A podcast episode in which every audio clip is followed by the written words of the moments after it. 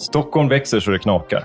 Vi måste få plats med allt som behövs för att skapa en stad där vi trivs. Men hur går det egentligen till? I podden Stockholm växer pratar jag, Fritte Fritzson, med experter från Stockholms stad om frågor som berör just dig. Idag handlar det om gröna och blå rum. Om vi inte visste det innan märkte vi under pandemin hur viktig naturen är för oss. Stormköken tog slut i butikerna och vi hängde mer i våra närområden, promenerade och cyklade till jobb och förskolor. Idag handlar det om parker och träd, om varför det gröna är viktigt för oss och vår stad. Men vi dyker också ner under marken och ser hur nya smarta växtbäddar ger träden i stan bättre möjligheter att växa samtidigt som vi återvinner julgranar. Välkomna ska ni vara till Stockholm växer och välkomna säger jag också till Britt-Marie Alvem Tack så mycket. och Elisabeth Rosenqvist Sajdak. Tack så mycket. Eh, Vi ska presentera er. Elisabeth, du är landskapsarkitekt och stadsträdgårdsmästare i Stockholms stad sedan 2015. Också enhetschef för park och stadsmiljöenheten, stadsmiljöavdelningen, Trafikkontoret. Det stämmer. Långt namn. Ja, det är väldigt, Ja. väldigt långt. Och Britt-Marie, du är landskapsarkitekt och trädspecialist och har arbetat åt staden sedan 1997, specifikt med gatuträd sedan 2007.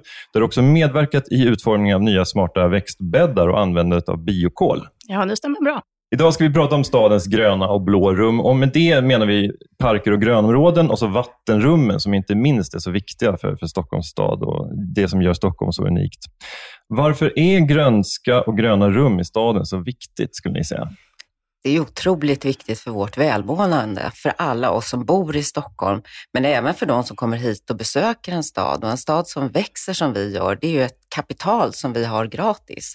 Det här fantastiska kulturhistoriska arvet med våra parker i staden, men också alla de nya parkerna som vi bygger just nu i ytterkransen, men också en del nya i innerstan. Och de här betyder ju otroligt mycket som du var inne på i inledningen här, inte minst under det föregångna året under corona. Man verkligen såg hur vi nyttjar staden som stockholmare. Vi flyttade ut och där fick vi umgås på distans. Men det fanns en tillgänglig plats där alla får vara. Det är helt fantastiskt. Det Mm. har väldigt, väldigt stor betydelse det gröna. Nej, men det är ju fantastiskt och vi märker ju också hur mycket invånarna bryr sig om den här typen av frågor. Det är väldigt viktigt för dem. Nu pratar vi om de miljöpsykologiska aspekterna, liksom Ja. upplevelsemässiga, men jag tänker att stadens träd och grönska också gör ett, ett arbete rent klimatmässigt. Jo, men självklart. Alltså, man kan ju säga att våra parker och träd är ju stadens lungor och utan lungor så överlever man inte så länge. Nej. Och sen så jobbar vi ju hela tiden för att accentuera, att kunna göra ännu mer och få ut ännu mer av våra gröna volymer. Och det handlar ju just om att både värna det historiska arvet vi har och verkligen se till att det bevaras och utvecklas. Mm. Men det handlar också lika mycket om att hitta nya metoder som vi kommer komma in på sen. Och att skapa nya parker som liksom fyller alla de nya behov som våra nya invånare i staden har och även Mm. de som reser hit. Just det. Varning för stor fråga då nu, men vilka utmaningar finns det när vi skapar gröna rum i staden? Plats. Ja, plats. Det är väl den absoluta utmaningen. Att Ja. få in alla olika intressen på en liten yta. För att vi har ju inte så mycket mark att tillgå i nya områden alla gånger. Det varierar ju såklart, men då gäller det att hitta det här mång- mångfunktionella och hur ställer man om snabbt och Jag säger även att det, det är ont om plats i, ehm, även i, i den befintliga staden. Mm. Det blir trängre och trängre där. Det, det har ju hänt väldigt mycket, som vi kommer att komma in på senare, kanske också med, med ledningsstruktur till exempel. Att förr så hade man inte lika mycket ledningar som vi har idag. Idag har vi fått till fjärrkyla och fjärrvärme och jättemycket el, eh, opto, kabel, fiber, allt sånt. Alltså det, förr var det mycket mer plats. Eh, och även att trafiken har ökat. Och de här ledningarna ska samsas med trädens rötter till exempel. Ja, Ja, precis så är det. När det då planeras nya områden, norra Djurgårdsstaden till exempel, finns det då fasta normer för hur mycket av den bebyggda ytan som ska vara parkmark? Ja, man har ju, dels så jobbar man med någonting som heter grönytekomp, alltså som man kompenserar för den mark man tar i anspråk. Och där sätter man vissa tal för att man ska ha en viss grönyta och det får ju byggherrarna till sig när de startar sitt projekt. Så att de vet att så här mycket grönyta ska det vara. Sen är ju norra Djurgårdsstaden lite unikt i närheten till nationalstadsparken och att man har kunnat ställa väldigt, väldigt specifika krav. Så det där varierar ju också lite beroende på var i staden man är, var man bygger. Men det är ju mer och mer sådana krav som kommer in och man ställer och det är gröna tak och det är gröna väggar om man inte har platsen på marken som man ställer krav på. Och det är ju fantastiskt, för det skapar ju en ännu grönare miljö. I det här i grunden ganska hårdgjorda så kan man komplettera med de här tillkommande sakerna som vi kanske inte hade för tio år sedan ett fungerande system för. En stor skillnad tycker jag också är att um, alla i nybyggnadsområden är mer eller mindre alla gator trädplanterade.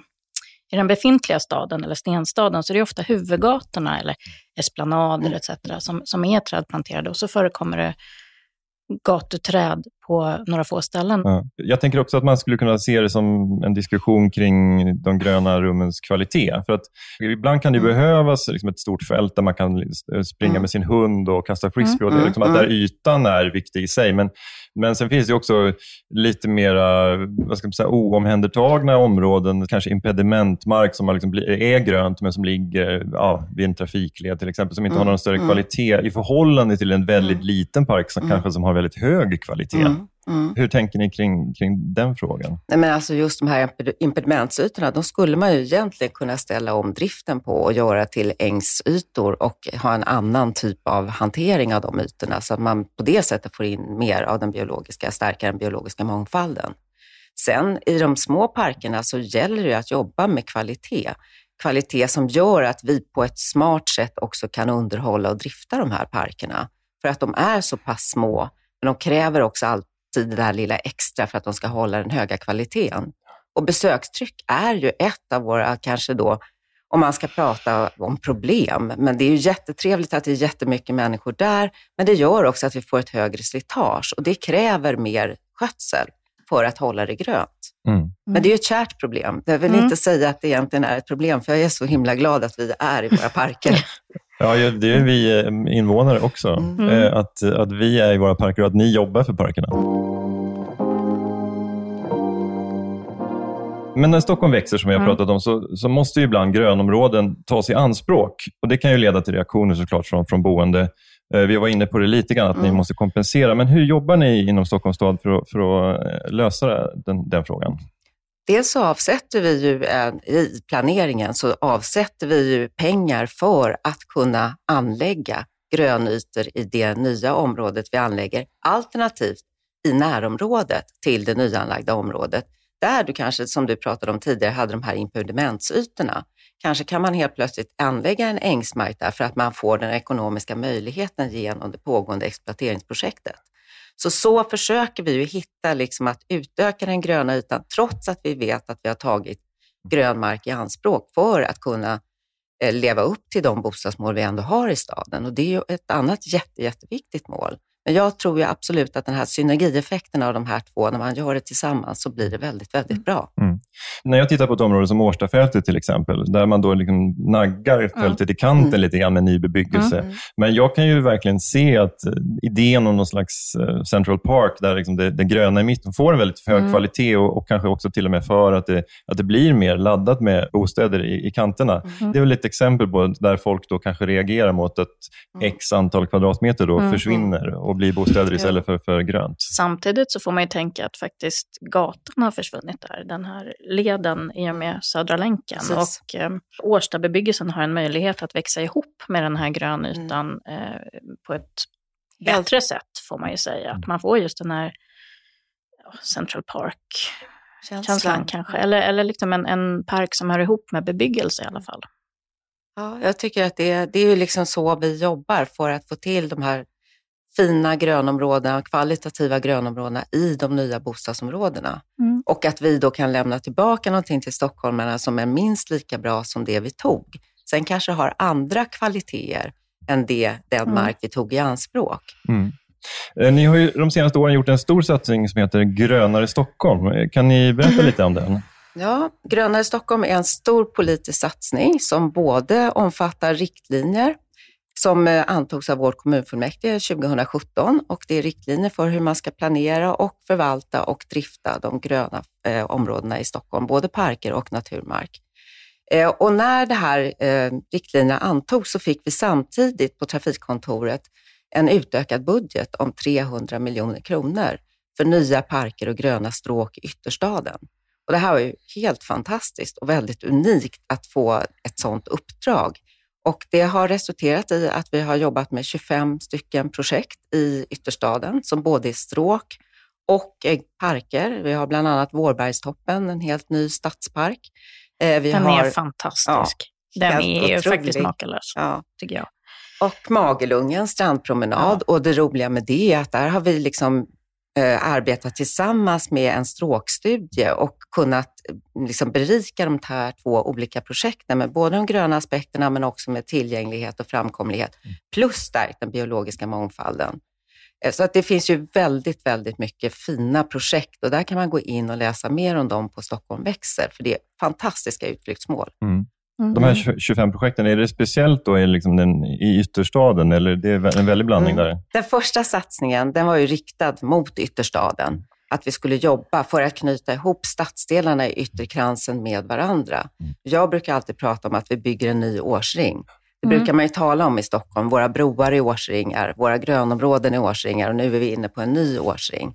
Och det känns ju jättehärligt hur man knyter ihop de här mm. olika delarna med varandra genom mm. det gröna. Ja. Du nämnde stråk, eh, det här med stråk även för växt och djurliv, alltså mm. biologiska korridorer och sådär. Är det någonting ni, ni tänker på? Ja, jättemycket. Eh, mm. Vi um, försöker ju stärka stadens eksamband. Och, alltså vi har ju en, man brukar prata om en ekpopulation mm. faktiskt. Alltså den stammar ju från eh, den tiden då eh, kronan byggde skepp av ek. Så det är kvar och det finns, eh, man har inventerat, eller staden har låtit inventera eh, platser så att det finns eh, ektyngdpunkter i staden. Så att det finns mm. jättefina ekmiljöer. Så det där försöker man ju då eh, på olika sätt binda ihop. Mm. Eh, även genom den, i den nya bebyggelsen. Så till exempel ja. i norra Djurgårdsstaden så är mm. det en viktig ekmiljö och där mm. har vi ju ek som gatuträd till exempel på vissa platser. Mm. Och där finns ju också inom Grönare Stockholm, etapp eh, tre, syftar ju bara till bland annat att stärka eksambanden. Och då har vi mm. jobbat med Farsta och Skärholmen. Och det har blivit ett fantastiskt resultat. Och det kanske roliga med de här projekten är också att då har vi samtidigt när vi har gjort det här friställt ekarna så att de kommunicerar med varandra, också skapat en helt annan trygghet i de här områdena. När slyet försvinner så vågar man helt plötsligt vistas här. Mm. Man är inte riktigt lika rädd för att det är igenvuxet överallt. Nej, det tänkte jag också på, eh, för att ni hade något samråd för ett tag sedan om, om eh, Trekanten i Gröndal och Liljeholmen. Och där, längs med strandkanterna där är ju ganska mycket så busk. Så. Mm. Men är, eh, är det någonting som ni tänker generellt på lite mera öppna vyer i, i naturområden? Det där är också en balansgång med mm. djurliv, med fågellivet då framförallt, mm. som man får ta hänsyn till. Men Magelungens strandpromenad är ju också ett bra exempel på där de gröna och blå rummen möts, eller hur? Ja, det är det ju absolut. Och där har vi ju verkligen jobbat med hänsyn till vattenlivet, till den biologiska mångfalden. Vi har undvikit att eh, producera under tiden det har varit häckningsperiod. Eh, vi har också satt upp en rad olika holkar för fladdermöss, för fåglar av olika arter. Vi har insektshotell. Men också den här närheten genom den fantastiska badbryggan som faktiskt var nominerad till Sveriges bästa landskapsarkitektur för ett par år sedan just hur den möter vattnet på vattnets villkor. Det är ju oerhört viktigt, men också skapar tillgänglighet till vattenrummet på ett annat sätt än vad man har haft tidigare här. Man har ju sett, eh, apropå vattnet, så, eh, hur, hur tänker ni kring fiske då? Eh, alltså när vi gör nya stråk och så, då, har vi, då tar vi kontakt med alla olika små föreningar och organisationer som finns som är, har intresse av olika sorter just vid vattenrum också. Och då kan det faktiskt vara fiskeklubbar som vi diskuterar med för att inte störa deras verksamhet med ett nytt stråk eller ta hänsyn till det. Eller berätta att här kanske inte är bästa fiskeplatsen i fortsättningen för att mm. det kommer bli störda fiskar. Just det, men, mm. men att, att folk överhuvudtaget kan fiska i centrala Stockholm är ju också ett mm. tecken på att, att eh, vattenkvaliteten är bra. Fantastiskt. Fantastisk och den blir bara bättre och bättre. Det här är ju superspännande. Vad händer nu med Grönare Stockholm? Nu har vi fått ett utökat uppdrag och nytt förtroende från vår politik att vi ska fortsätta med Grönare Stockholm, etapp fyra. Vi har avverkat tre etapper och nu går vi in i etapp fyra. Och den etappen den är än mer riktad mot det gröngröna. Vi har tittat på skyfall, vi har tittat på värmeöar eh, och tittat på platser i staden där de här olika sakerna sammanfaller. Och det här gör ju också att nu jobbar vi inte bara med ytterstaden, utan vi jobbar även med innerstan. Och där är både Kungsholmen och Östermalms stadsdel med i urvalet för att hitta de här nya projekten för Grönare Stockholm etapp 4. Och värmeöar, är det då att eh, delar av staden det blir väldigt varmt på sommaren? Eller? Ja, det blir väldigt varmt för vi har väldigt mycket hårdgjord yta och där kommer ju våra träd in, att de är ju perfekta skydd mot värmeöarna. Det intressanta är ju också att titta på platser där man till exempel har väldigt stora avrinningsområden så att det är mycket vatten som man kan hantera i växtbäddar då och även få den här svalkande effekten av trädkronorna ovanför då. Hur resonerar ni kring aktiviteter och program i de gröna rummen? Jag tänker att det är också en avvägning mellan att å ena sidan att fylla parkerna med, med lekplatser, idrott och kaféer och å andra sidan att liksom bara inom citattecken låta det vara gröna rum för rekreation. Men vi vill nog ha både och. Men man kan inte programmera allting för det måste finnas kvar rum för spontanlek, för spontana mm. initiativ där du kan som invånare eller besökare göra egna saker. Att du inte mm. liksom är riktad till att här ska du leka, här ska du göra, grilla och här ska du göra det, utan vi försöker hitta en balans emellan de här olika intressena och också jobba med omställbarhet. För att det som är poppis idag är inte säkert att det är poppis om tio år. Nej. Och där har vi ju sett en utveckling som skiljer sig mot det traditionella sättet att jobba med park man har efterfrågar nya saker väldigt mycket snabbare. Det är därför mm. ni inte anlägger paddelbanor överallt, för ni tänker att det kanske är en fluga. Ah. Ja.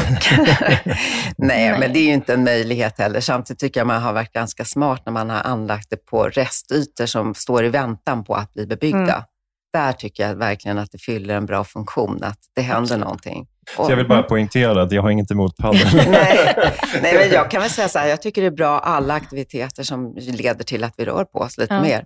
Men jag tycker alltså, en bra park rymmer, som man, om man tar Rålambshovsparken mm. till exempel, den rymmer ju eh, alltihopa. När man kanske i, i eh, parkens liksom, krans mot gatorna har alltså, både en amfiteater, man har en jättestor parklek, alltså en bemannad lekpark. Så har man den här skatebanan under bron. Mm. Eh, och så ligger det ju bollbanor liksom mot. Norr Mälarstrand. Och sen så har man det här fria öppna parkrummet i mitten som jag tycker det är fantastiskt och det är ju otroligt populärt och mm. väldigt besökt. Och sen har vi dessutom kunnat jobba med omhändertagande av dagvatten ja. i den här parken ja. på ett väldigt eh, bra sätt. Det är trolleri. Ja, det är lite trolleri, eller inte. Eller, eller Kinderägg. Ja, just det. Precis. Vi har fått in en del frågor från stockholmarna också. Vi kan väl ta och lyssna mm. på den första här. Hej, jag undrar hur ni tänker när ni skapar gröna gator i Stockholm? Vem vill svara på den? Vi jobbar ju på trafikkontoret och eh, arbetar egentligen med, det, eh, med de befintliga gatorna i staden och håller dem eh, i skick. Liksom. Mm. De nya gatorna tillkommer ju egentligen i de nya exploateringsområdena. Men där har ju exploateringskontoret och vi ett, ett väldigt gott samarbete där vi diskuterar. Och det är just som jag beskrev tidigare att det, gatorna är väl, har väldigt, väldigt ofta trädplanteringar och eh, även dagvattenhantering i de här trädplanteringarna. Då. Mm. Och det idag är ju det nästan en självklarhet att det ska vara med. En mm. del av en gata ska vara grön. Mm. Inte minst för omhändertagande av dagvatten. Och sen har vi mm. dessutom fått skifallsproblematiken som man har börjat beakta på senare år mm. och börjat titta på hur kan vi liksom bygga in det i systemet också. Och då är ju våra gröna ytor helt fantastiska. Men då kan det till exempel vara växtbäddar runt träd där, där det inte är hårdgjort så att, eh, mm. så att man kan ta, ta hand om avrinningen där direkt till exempel. Det kan ju också mm. vara hårdgjort. Man bygger som en stenkista kan man säga, under mark som, som liksom ger utrymme för trädens rötter att växa i. Och så, um, kan man lägga plattor över det där och det har bärighet då som man kan gå och cykla på i alla fall och köra mm. vissa driftsfordon och så. Och sen så har man en brunn som man leder ner dagvattnet och då då kan man fördröja dagvattnet där och faktiskt utnyttja det som någonting positivt istället för att det bara är en restprodukt. För det bevattnar också träden. De får ju sin eh, luft och vattentillgång då i de här växtbäddarna. Mm.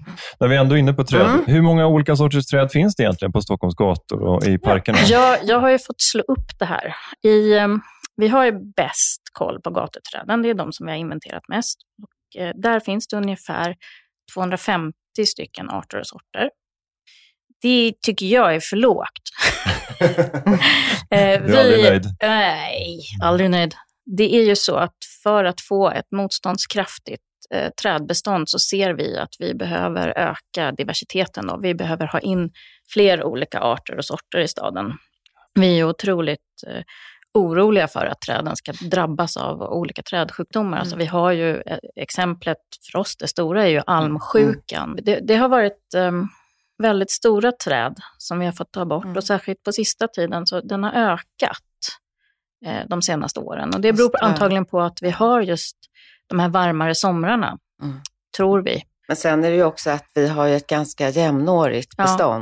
Och många av våra lite historiska parker anlades ju samtidigt och Mm. man använde alm som basträd. Mm. Och det gör ju att det ser ju ganska hemskt ut när vi blir tvungna, för att det blir ju en fara för tredje man också. Mm. Det är inte bara att trädet är sjukt, utan ett träd som är sjukt dör ju och det kan ju fälla och det Mm. kan bli konsekvenser av det. Så det men då blir det ju, kan det ju se rätt brutalt ut när man måste gå in i en park och bara ta ner alla Mm. träd. Just det. Men ju fler olika träd, desto stabilare, mer resilient ska Ja. man kanske säga Ja, det är så. blir. Vi försöker jobba så för att bli mer resilienta. För att om ett trädart skulle drabbas så har vi i alla fall andra arter kvar.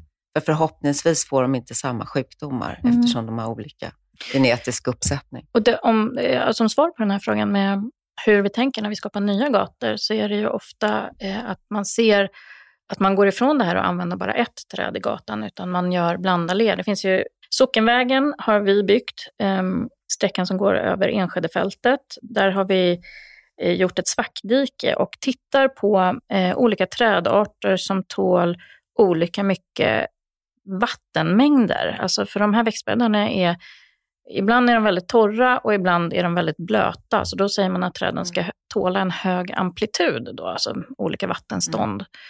Då har vi tittat på eh, hagtorn och även tagit in ett träd som heter nyssa, som är eh, väldigt speciellt, kommer från östra USA. Roligt att det nyaste trädet heter Nyssa. Eh, Men precis. 250 arter, jag är imponerad. Jag skulle Mm. kanske kunna räkna upp 25 olika träd. Men hur tänker ni kring det här med arter som traditionellt har funnits i Sverige eller i Stockholmsområdet kontra att liksom plocka in eh, vad man säga, mer exotiska träd? Alltså om jag säger så här, i innerstan så har vi alltså en övervägande del lind. Mer eller mindre alla esplanader är ju lind, hur mycket som helst. Och i ytterstan, och, det, och de, alla, eh, de lindarna är ju från alltså förra sekelskiftet. Och sen så har vi ytterstadsområdena som kanske, alltså de är ju byggda 50-tal till eh, sju- ja, 70-tal. 70. Så, ja.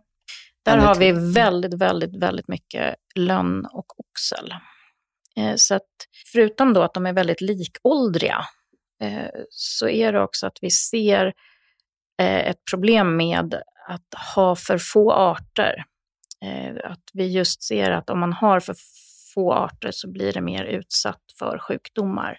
Det finns studier på det där vid SLU att det var ungefär tre träd som var friska och inte fick så mycket sjukdomar av de som man anser är de inhemska träden. Och det var, jag tror det var oxel och så var det körsbär och så var det en. Och en är inte ett sånt där jättebra gatuträd. Så att man skulle bli Nej. väldigt begränsad om man Ja. både ska ha ett friskt liksom bestånd och bara använda inhemska träd. Mm. Och, men sen är det också var sak på sin plats. Liksom. Är man i närheten av ett naturreservat kanske man ska vara mer, eh, ha mer inhemska Mm. arter. Eller göra som vi har gjort i norra Ja. Djurgårdsstaden där vi har jobbat med olika varianter av ek Mm. Som knyter samman till våra mer traditionella skogsekar i Mm. om, omgivningen. Så att där finns det ju en sånt sätt att jobba med det också. Just det. Eh, I städer som Berlin och New York vet jag att det finns appar där invånarna Mm. engagerar sig kring Mm. träden och kan se hur de mår och till och med hjälpa till att vattna dem. Eh, eh, Är det här någonting ni har funderat på i Stockholm? Vi har eh, planer på att lägga ut de träd som är inventerade, att lägga ut dem på stadens hemsida. Då kommer vi lägga ut ungefär planteringsår och eh, vilken art och sort det är. Så då kan man då egentligen gå runt med den här kartan i mobilen och se att det där är en oxel och det där är en lind. Ja. Om man är så, så, så rudis då, som Ja. jag är. Ja. Liksom. Om man får till det så ska Ja. det funka. Ja. Så Ja, då precis. kanske du kan lära dig för 250 arter. Ja, men det, är- det är en bra målsättning. Jag nämnde ju redan i inledningen att Stockholm är världsledande, får man ändå säga, på att få träd att växa i stadsmiljö. Eh, och det är tack vare en ny teknik för att anlägga växtbäddar. Britt-Marie, kan inte du berätta lite om det här? Mm. Det här arbetet började egentligen 2001. Innan jag kom in så var det min kollega Björn Embrén. Han åkte runt i innerstan och gjorde en liksom, okulär besiktning bara och konstaterade att två tredjedelar till tre fjärdedelar av träden i innerstan mår faktiskt väldigt, väldigt dåligt. Och det är av, av gatuträden då. Och då eh, började han titta på vad man egentligen skulle kunna göra. Och då inspirerades han av eh, arbeten från Tyskland, Nederländerna och Köpenhamn framförallt, där man har byggt växtbäddar då, eller skelettjordar kallade vi det då, som var just de här anläggningarna under mark där man använder eh, olika stenfraktioner som man liksom kan kompaktera och så i början så eh, spolade vi ner jord mellan stenarna för att eh, röt, eh, trädens rötter skulle få näring. Men nu har vi bytt ut jorden mot biokol. Man framställer det i en, någonting som kallas för pyrolys. Det är en förbränningsprocess. Mm. Om du har en eld och så tillför du väldigt lite syre, då blir det kol. I Stockholm då så eh, försöker man använda stockholmarnas eh, trädgårdsavfall. Det går till eh, Stockholm Vatten Avfall då, som har en pyrolysanläggning. Och det är där julgranarna kommer in? Det är mm, där julgranarna exakt. kommer in och det är ju otroligt bra att vi har julgranar och kan använda, alltså när man är klar med julgranarna, att man kan använda dem på det här sättet. Mm. Den stora produktionen den går till oss på trafikkontoret och så använder vi det i växtbäddarna och blandar in i ett stenkrossmaterial. Då. Och det gör, den biokolen laddar man också med näringsämnen. Då kan man använda kompost eller man kan använda gödsel. Man laddar det här biokolet och biokolet kan man då ladda med näring och så blir det växttillgängligt under flera, flera år för träden. Men de här nya växtbäddarna, är det någonting mm. ni använder när ni planterar nytt eller kan man också använda det för eh, att hjälpa till med mm. befintliga träd? Absolut, ofta är det när man går in i eh, en befintlig allé, då. Vi, vi säger Valhallavägen. Där har vi byggt ganska mycket växtbäddar, eh, för där har ju, eh, alltså, där konkurrerar ju parkeringarna och gatan med eh, eh, träden. Så där har vi kunnat, då har man en stor vakuumsug, den kommer på en, eh, på en lastbil. Låter fruktansvärt, men annars är det jättebra. Så suger man bort det gamla materialet och så kan man fylla på med det här nya materialet. Och då kan vi se, liksom, när vi går in i, i de alléerna så tittar vi, liksom, de här träden tror vi kan bli bättre av den här behandlingen, men det här trädet måste vi ta bort för det är dött. Då blir alléerna några nya träd och väldigt mycket befintliga träd som man kan mm. spara. Mm. Och den här eh, teknologin kan man väl säga, mm. det, det, är någonting som andra städer nu börjar titta på Stockholm? Absolut. Under åren har vi haft väldigt många studiebesök eh, från andra kommuner i Sverige. Mm. Och sen så är det också internationellt eh, väldigt efterfrågat. Det är intresse från, från USA, och från England, från eh, Tyskland och alltså resten av Europa. Ehm, och till exempel har man i Graz i eh, Österrike har byggt sådana här växtbäddar. Eh, enligt Stockholmsmodellen. Då, det. De Men det här är open source, ja. kan man säga, så att ja. eh, ni hjälper varandra? Absolut. Ja, absolut. Och det är det som är så fint med att jobba på en kommun, att man får göra mm. open source-lösningar. Liksom. Och Eh, vi tittar på varandra, vi hjälper varandra, vi stöttar varandra. Och vi har ett nära samarbete också med Göteborg och Malmö, där vi diskuterar olika lösningar. Det är jätte, jätteroligt. Ja, men jag tycker det låter fantastiskt. Går det att mäta liksom hur mycket bättre träden mår? Då, ja, nu? vi har stammätningar som vi gör årligen. Då, referensträden blir ju liksom ett träd bredvid då, kan man säga, som inte har fått den här behandlingen. Och så har vi de här, så vi mäter stammätningar och ser att det har en god tillväxt.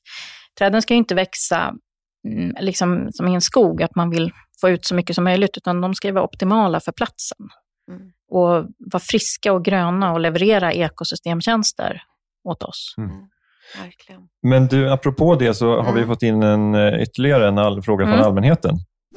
Jag hör ibland om något som kallas ekosystemtjänster. Vad är det för något egentligen? Ekosystemtjänster är de funktioner hos ekosystem som som gynnar människor, som vi har nytta av. Naturnyttor brukar man också kalla dem. Och det kan till exempel vara klimatreglerande effekter eller det kan vara att eh, vegetationen, alltså träd och buskar producerar bär och frukt som vi kan ha nytta av. Eller så kan det vara det vi kan få ut i rekreation. Och är det här någonting som ni aktivt eh, tänker på när ni planerar? Ja, det är det absolut. Vi tänker alltid i de här funktionerna. Liksom. Vad ger det gröna tillbaka till människan? Det är, det är centralt i vårt sätt att planera som landskapsarkitekter. Det, det finns och i med. En, i en stad. Och i en stad, självklart. Mm. Biologisk mångfald har vi också varit inne på. Mm. Hur arbetar ni för att se till att växter och insekter till exempel trivs i Stockholm?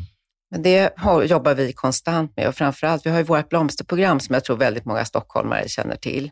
Och där har vi det senaste året ökat med 40 procent med de växter vi har. Nu är ju ettåriga växter inte de bästa pollinatörsvänliga växterna och man kan lätt hamna att man får bara ensartade färger. Men vi försöker verkligen hitta ett sortiment som gynnar den biologiska mångfalden och vi jobbar konstant med det, att utveckla det mer och mer. Sen är det ju inte bara våra blomsterrunor som är blomsterprogrammet, utan vi har ju även ytor i anslutning som kan vara en del av blomsterprogrammet med tidiga vårlökar där vi också försöker variera väldigt mycket för då får man den här tidiga aspekten på den biologiska mångfalden. Mm. Så det är mm. ett sätt att jobba med det. Sen så tittar vi också på, när det gäller trädplanteringar och buskplanteringar och så, så tittar vi på mycket på sådana arter som kanske blommar på eh, tider där det behövs. Alltså, säljan är det klassiska exemplet. Den blommar väldigt tidigt på mm. våren. Och det gynnar då bin och humlor och så, att de får nektar och pollen under den tiden. Eh, och vi tittar även i vad, som, vad man kan göra i slutet på säsongen, eh, hur man kan förlänga den blommande säsongen. Mm. Som vi pratade om, om, innan också, att linden är ju faktiskt, det, det är en fördel med linden att det är ett träd som är väldigt bra för bina. De... Ställer under en, en lind när de blommar. Då är det mm. bara bin som surrar. Fantastiskt. Ja. Och då är det bra att det är så mycket lind i Stockholm. Ja, på det sättet är det det. Sen ja. är det ganska många formklippta, så att ja. ibland kan det ju liksom bli att man klipper bort Blommorna. en del av blomningen. Ja. Men går det trender i sånt där, att man ska formklippa eller inte? Absolut. Det gör det. Det var, det var ju en, om man tittar på alla förortstorgen eh, vid tunnelbanan så är det ju nästan alltid en, en eh, kanske en fontän men ofta så är det en klippt lindrad någonstans, mm. en eller två rader precis där man kommer ut. Och det, ja. det var ett stilideal ja. på den tiden. Titta bara utanför Tekniska nämndhuset. Vi ja. har precis det, den mm. typen av plantering. Mm. Så att det, är ju, det är bara fontänen som saknas. Ja, fontänen saknas, men allt det andra har vi. Ja. Apropå fontäner då, vi, vi ska prata lite om vattenrummen mm. också i det här mm. avsnittet. Och just gränsen mellan det gröna och det blå är ju intressant. Hur jobbar mm. ni för att göra strandlinjen tillgänglig för alla? Det är jätteviktigt. Det där har jag redan nämnt det här med strandpromenader, men vi har ju fler strandpromenader. Vi har ju en strandpromenad i Bromma som vi har jobbat med under de senare åren. Och det är ju dels det här att göra dem tillgängliga, att de är för alla, oavsett om man skulle ha en funktionsnedsättning, så försöker vi skapa stråk där alla kan vistas och röra sig. Men där är det också så oerhört viktigt att det inte privatiseras, mm. utan den här strandlinjen, där ska alla kunna röra sig och inte tas i anspråk för en privat verksamhet. Ja, så är, att det blir ett stopp. Det är det. jätteviktigt. Mm. Men, men någonting som är, liksom, jobbar emot det, det är liksom alla båtklubbarna som ligger längs med strandlinjerna. Ja. och, och mm. de, är, de skapar ju trevnad, men ibland, jag bodde i Örnsberg innan, där mm. kan jag känna att, det, att båtklubben var en barriär också. Ja. Men är det kanske svårt att komma åt liksom, folk som har, av hävd har det här vattenrummet? Det beror ju på vad de har för eh, upplåtelse för sin båtklubb och vilka, vilka mm, avtal de har tecknat med staden. Och det kan ju finnas väldigt, väldigt gamla avtal där vissa båtklubbar har rätt att finnas på viss mark, medan andra båtklubbar kanske har annekterat mark som då är egentligen allmän platsmark. Och det är ju sånt som vi försöker se över, men vi vill ju också hitta en bra, en bra ny överenskommelse där man kanske kan dela på graserna under mm. året. För att båtlivet är ju också extremt viktigt för Stockholm. Det är ju också ett av våra signum. Liksom, för skulle båtarna försvinna, då skulle vi ju inte vara Stockholm. Mm. Så att det är en avvägning. Allt det här är en avvägning, men jag tror det viktigaste det är ju att värna att det fortfarande är tillgängligt för alla och att vi gör mer och mer tillgängligt också. Just det. Eh, och det kommer ju också medborgarförslag. Jag, vet, jag tror det var ett medborgarförslag som ledde till att det finns en liten bastuförening eh, vid Tantolunden. Men min känsla är att det skulle finnas utrymme för mycket mer av den här typen av aktiviteter längs med vattnet. Alltså mm. badbryggor, och bastur och, och kaféer. Vad, vad tycker ni? Jo, men det är ju ett trevligt tillskott till de miljöerna och att sätta sig ner och fika någonstans. Men just det här att det inte får kännas som att det är, man tar mark i anspråk som gör att man inte kommer förbi att det blir en privatisering på det sättet, utan man kan liksom på ett smart sätt planera in det som en del i det hela. Sen måste man också skriva brukaravtal med de som kanske har den här bastun och så, så att man åtar sig att sköta om. För det är ju både skyldigheter och rättigheter. Liksom. Man har viss skyldighet mm. när man startar något sånt här, mm. faktiskt se till att det funkar, att det är välskött, att det är liksom ett smidigt sätt att hantera det och nyttja det. Mm. Men om Så jag att, till eh, exempel då, eh, längs med Årstaviken skulle vilja känna att det är för, det är för lite badbryggor och det är för lite så här vattenkontakt. Hur, hur går jag tillväga då? Då skickar du in ett medborgarförslag till staden. Det kan du göra i tyck till-appen till exempel. Och höra av dig att vi tycker, eller jag tycker att vi borde ha fler badbryggor. Och sen så försöker vi hantera det och oftast blir ju det en politisk fråga. Och vår politik har ju kommit med flera sådana förslag de senaste åren och då har vi fått i uppdrag att se över vad kan vi göra? Hur kan vi förverkliga det här? Ja, men eh, då kommer det ett förslag. Mm. Men en positiv stadsutveckling faktiskt under modern tid, eller vad man ska säga, det är ju faktiskt att Kungsholmen har, det har blivit möjligt att gå runt nästan hela Kungsholmen längs med vattnet. Eh, Jag bodde på Kungsholmen förut, jag upplevde det som jätte, jättepositivt att man kunde gå runt där vid norra, nordvästra Kungsholmen, att man Precis. kan passera där. Eh, Det är oftast att man gillar att gå runt saker, är det inte så? Verkligen. Men det är ju också en sak som gör Stockholm unikt, vår allemansrätt. Att vi har Ja. rätt att vistas, att det är inte privatiserat och det är ju därför också det är viktigt att värna om det. Verkligen. Om man vill lära sig mer om träd i staden, har ni några bra tips då?